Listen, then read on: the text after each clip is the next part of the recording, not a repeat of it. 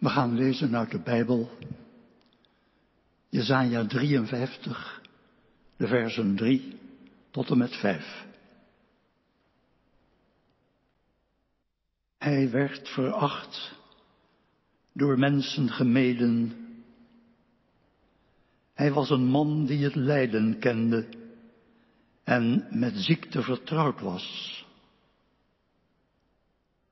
Een man die zijn gelaat voor ons verborg, veracht, door ons verguisd en geminacht. Maar hij was het die onze ziekten droeg, die ons lijden op zich nam. Wij echter zagen hem als een verstoteling, door God geslagen en vernederd. Om onze zonden werd hij doorboord, om onze wandaden gebroken. Voor ons welzijn werd hij getuchtigd. Zijn striemen brachten ons genezing.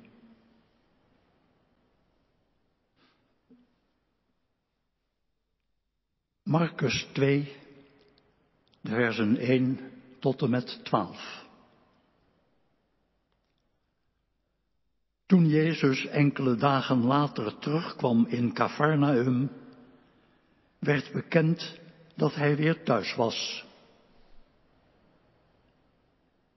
Er stroomden zoveel mensen toe dat er zelfs voor de deur geen plaats meer was.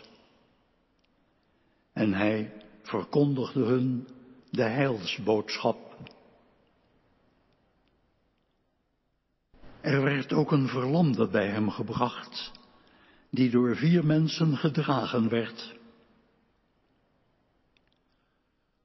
Omdat ze zich niet door de menigte konden wringen, haalden ze een stuk van het dak weg boven de plaats waar Jezus zat. En toen ze een opening hadden gemaakt, lieten ze de verlamde op zijn draagbed naar beneden zakken. Bij het zien van hun geloof zei Jezus tegen de verlamde, Vriend, uw zonden worden u vergeven. Er zaten ook een paar schriftgeleerden tussen de mensen. En die dachten bij zichzelf, hoe durft hij dat te zeggen? Hij slaat Gods lasterlijke taal uit. Alleen God kan immers zonden vergeven. Jezus had meteen door wat ze dachten en dus zei hij, waarom denkt u zoiets? Wat is gemakkelijker? Tegen een verlamde zeggen, uw zonden worden u vergeven, of sta op, pak uw bed en loop. Ik zal u laten zien dat de mensenzoon volmacht heeft om op aarde zonden te vergeven.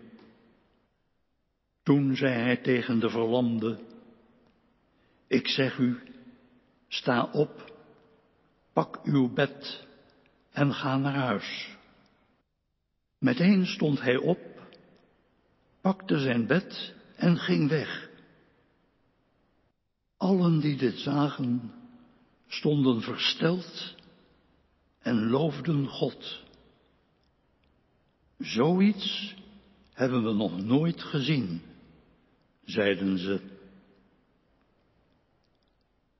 Zo luidt het woord van de Heer. Gelukkig zijn zij die naar het woord van God luisteren en er naar leven.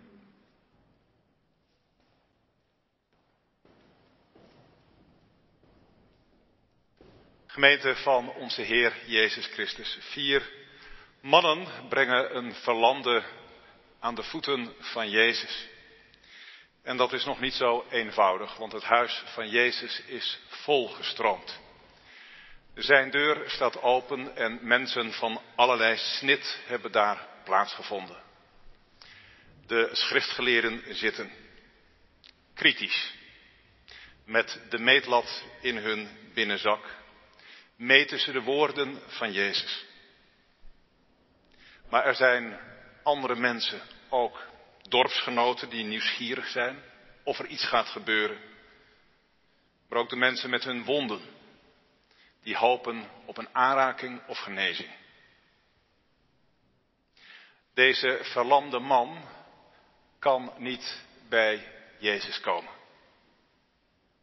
En zelfs als vier vrienden hem dragen, dan nog is de weg eigenlijk versperd. Want de mensen staan in de weg. Dat kan.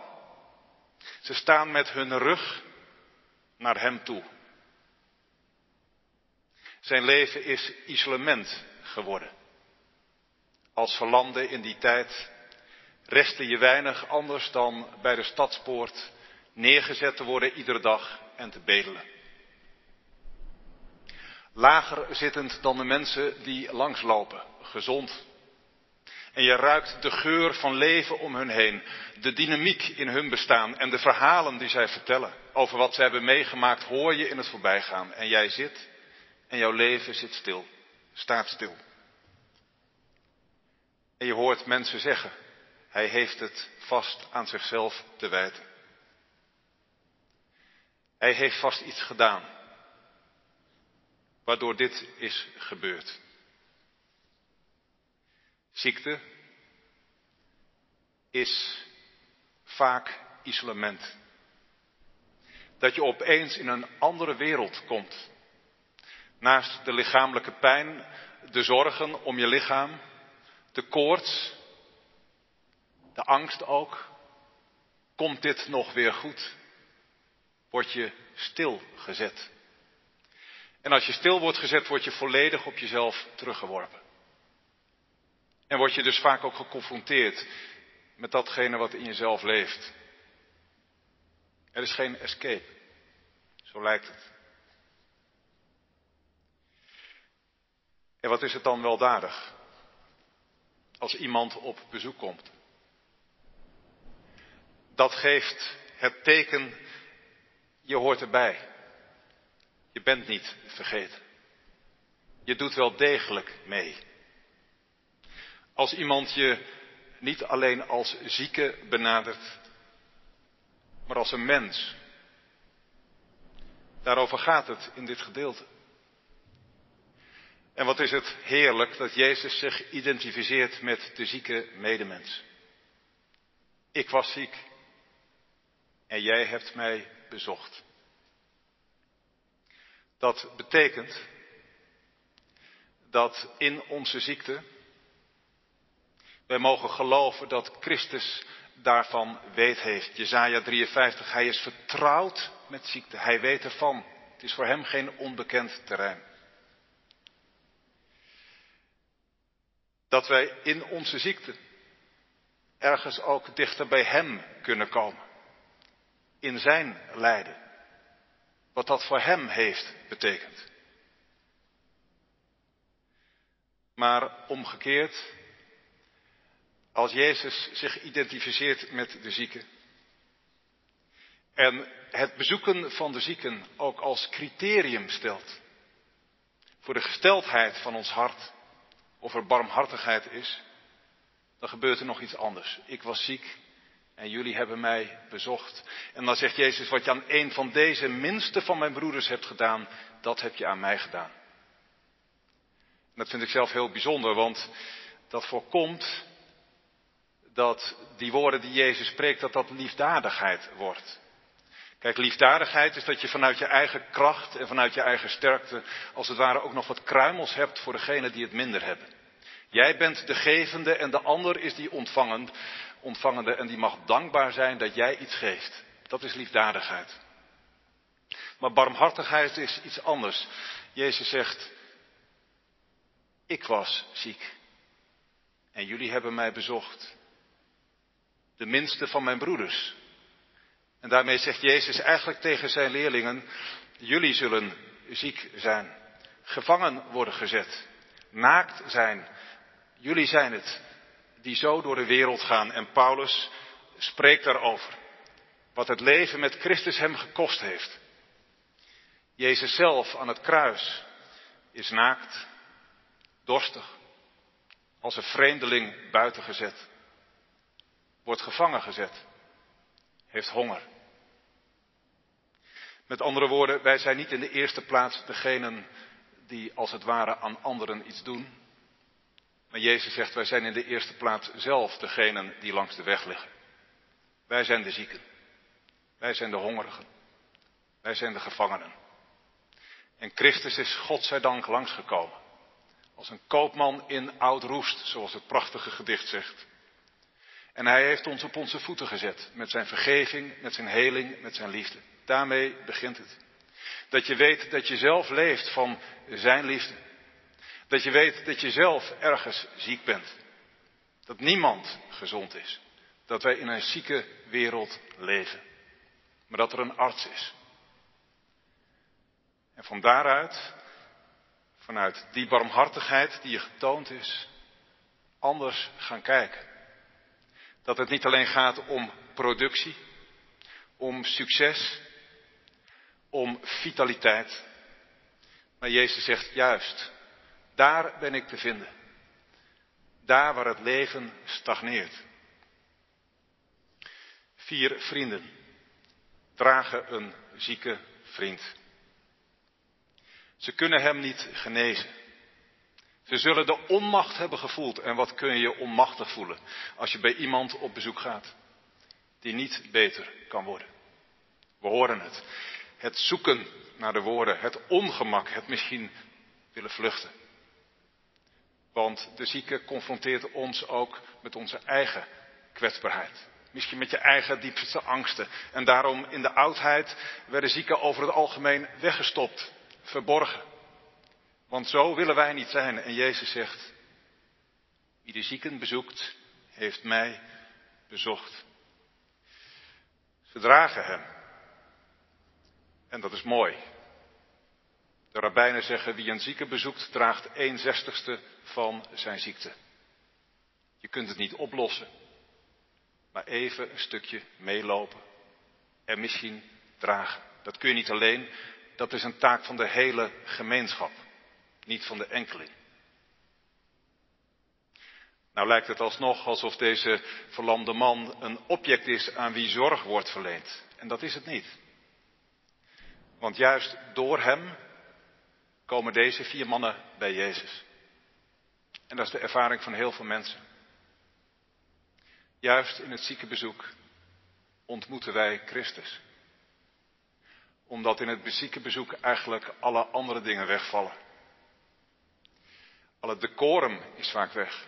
En wat kan het kwetsbaar zijn om iemand te ontvangen als je in een ziekenhuisbed ligt? Of thuis, ongeschoren, misschien tussen alle spullen die je nodig hebt om verzorgd te worden. Dan valt al dat andere weg en dan blijft het wezenlijke eigenlijk over, waar het om gaat. Dat zien we in dit gedeelte. Deze man brengt eigenlijk zijn vrienden bij Jezus. Niet omgekeerd, maar door hem komen zij bij hem. De deur zit op slot, het huis zit vol. Maar zij leggen hem uiteindelijk aan de voeten van Jezus. Dat vind ik ook zo mooi. Dat we elkaar wederkerig aan de voeten van de Heer mogen leggen. Want dat zou ik eigenlijk willen zeggen tegen hen die ziek zijn. En dat is eigenlijk heilige grond die je betreedt, want als je zelf niet ziek bent, dan weet je feitelijk helemaal niet wat het betekent. Ik zeg het ook met schroom. Maar zou het zo kunnen zijn dat juist de zieken in ons midden, voor wie het zo moeilijk is om als het ware zorg te ontvangen, en wat is dat lastig om afhankelijk te zijn, dat je het misschien zou kunnen omkeren. En dat je zegt, juist als je afhankelijk bent, stel je andere mensen in de gelegenheid om waarlijk mens te worden. Om datgene te doen waar het echt om gaat. Barmhartigheid, zorg, geven. Begrijpt u wat ik bedoel?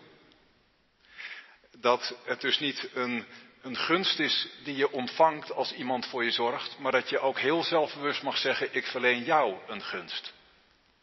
De gunst om zorg te kunnen verlenen. En zo iets meer te gaan lijken op de Schepper God, op Jezus Christus zelf. Je zonden zijn je vergeven, zegt Jezus, als deze man voor zijn voeten neerdaalt. Wonderlijk woord, want die man die wou toch genezen. Maar Jezus steekt dieper. En geeft daarmee aan wat iets in de hele Bijbel eigenlijk te lezen is. Onze ziekten, en dan in zijn algemeenheid, hebben te maken met, met dat wat in het paradijs is misgegaan. Die breuk tussen God en ons. Dat isolement waarin we terecht zijn gekomen. Die vloek die over de aarde ligt en waar wij allemaal in delen. Hij is gekomen om dat op te heffen. En vanuit die vergeving die over de wereld gaat vanaf het kruis, ontstaat heling, ontstaat kracht, ontstaan nieuwe mogelijkheden. Ik was ziek en jij hebt mij bezocht. Matthäus 25 is de laatste reden die Jezus houdt. Het is een indringende reden. Eens zullen wij geoordeeld worden. De dag komt dat hij alle volkeren voor zich zal verzamelen. En alle engelen, en dat zal glorieus zijn, dat zal een spektakel zijn om het zo te zeggen. Een beëdiging van een Amerikaanse president, een militaire parade op de Champs-Élysées valt erbij in het niets. De gekruisigde, de hongerige, de gevangene die Jezus zelf was. Hij zal als koning heersen. En hij zal scheiding brengen. Ga naar het koninkrijk dat van de grondlegging af voor jullie bestemd is, zal hij zeggen tegen degene aan zijn rechterhand. Hoort u dat? Van eeuwigheid af is dat Gods verlangen. Dat mensen in zijn koninkrijk komen. Dat is zijn doel. En naar degene aan zijn linkerhand zal hij zeggen, ga weg van mij. Naar het eeuwige vuur dat voor de duivel en zijn engelen is bestemd. Hoort u dat? Dat eeuwige vuur is dus niet voor de mensen bestemd, maar voor de duivel en zijn engelen. God wil niet dat mensen daar komen. Die mogelijkheid is er wel, het is een reële werkelijkheid dat mensen daar komen. Maar Jezus spreekt het uit als, als een waarschuwing, als een profeet. Zoals nu mensen waarschuwen voor de klimaatcrisis, bekeer je, want het valt nog af te wenden. Maar er moet er nu iets veranderen in je leven. Zo spreekt Jezus deze reden uit. God wil niet dat mensen in het eeuwige vuur komen. Maar uiteindelijk is dat ergens ook aan ons, of wij ons bekeren of niet. En wat is dan het criterium? Alle volkeren worden geoordeeld. En dan gaat het niet om grootse daden, maar dan gaat het blijkbaar om die kleine daden van liefde van alle dag. Dan gaat het niet iets om wat alleen hele intelligente of hele bijzondere mensen kunnen doen, maar ieder mens kan dit. De zieken bezoeken, de gevangenen bezoeken, brood en water delen. Het is het liefdegebod. Mooi is dat, want blijkbaar ook zij die helemaal niet van Christus hebben gehoord, al die volkeren die niet met het evangelie zijn bereikt, indirect in de hongerigen, in de zieken waarmee Christus zich identificeert, ontmoeten ze Hem. Gaat het dan niet om geloof? Gaat het dan niet om genade alleen? Moeten wij dan inderdaad weer gaan werken? Nou, het gaat zeker om geloof. Maar geloof wil vrucht dragen. En zonder vrucht is het geloof dood. Dan is er geen geloof. Uiteindelijk zullen niet onze opinies, onze woorden of onze overtuigingen doorslaggevend zijn, maar ons hart. Of we dat door Hem hebben laten aanraken, of we dat door Hem hebben laten veranderen, of we anders zijn gaan kijken. En daar heb je een leven lang voor nodig om dat te leren. Daar hebben we Hem voor nodig. Zijn bron van liefde in ons.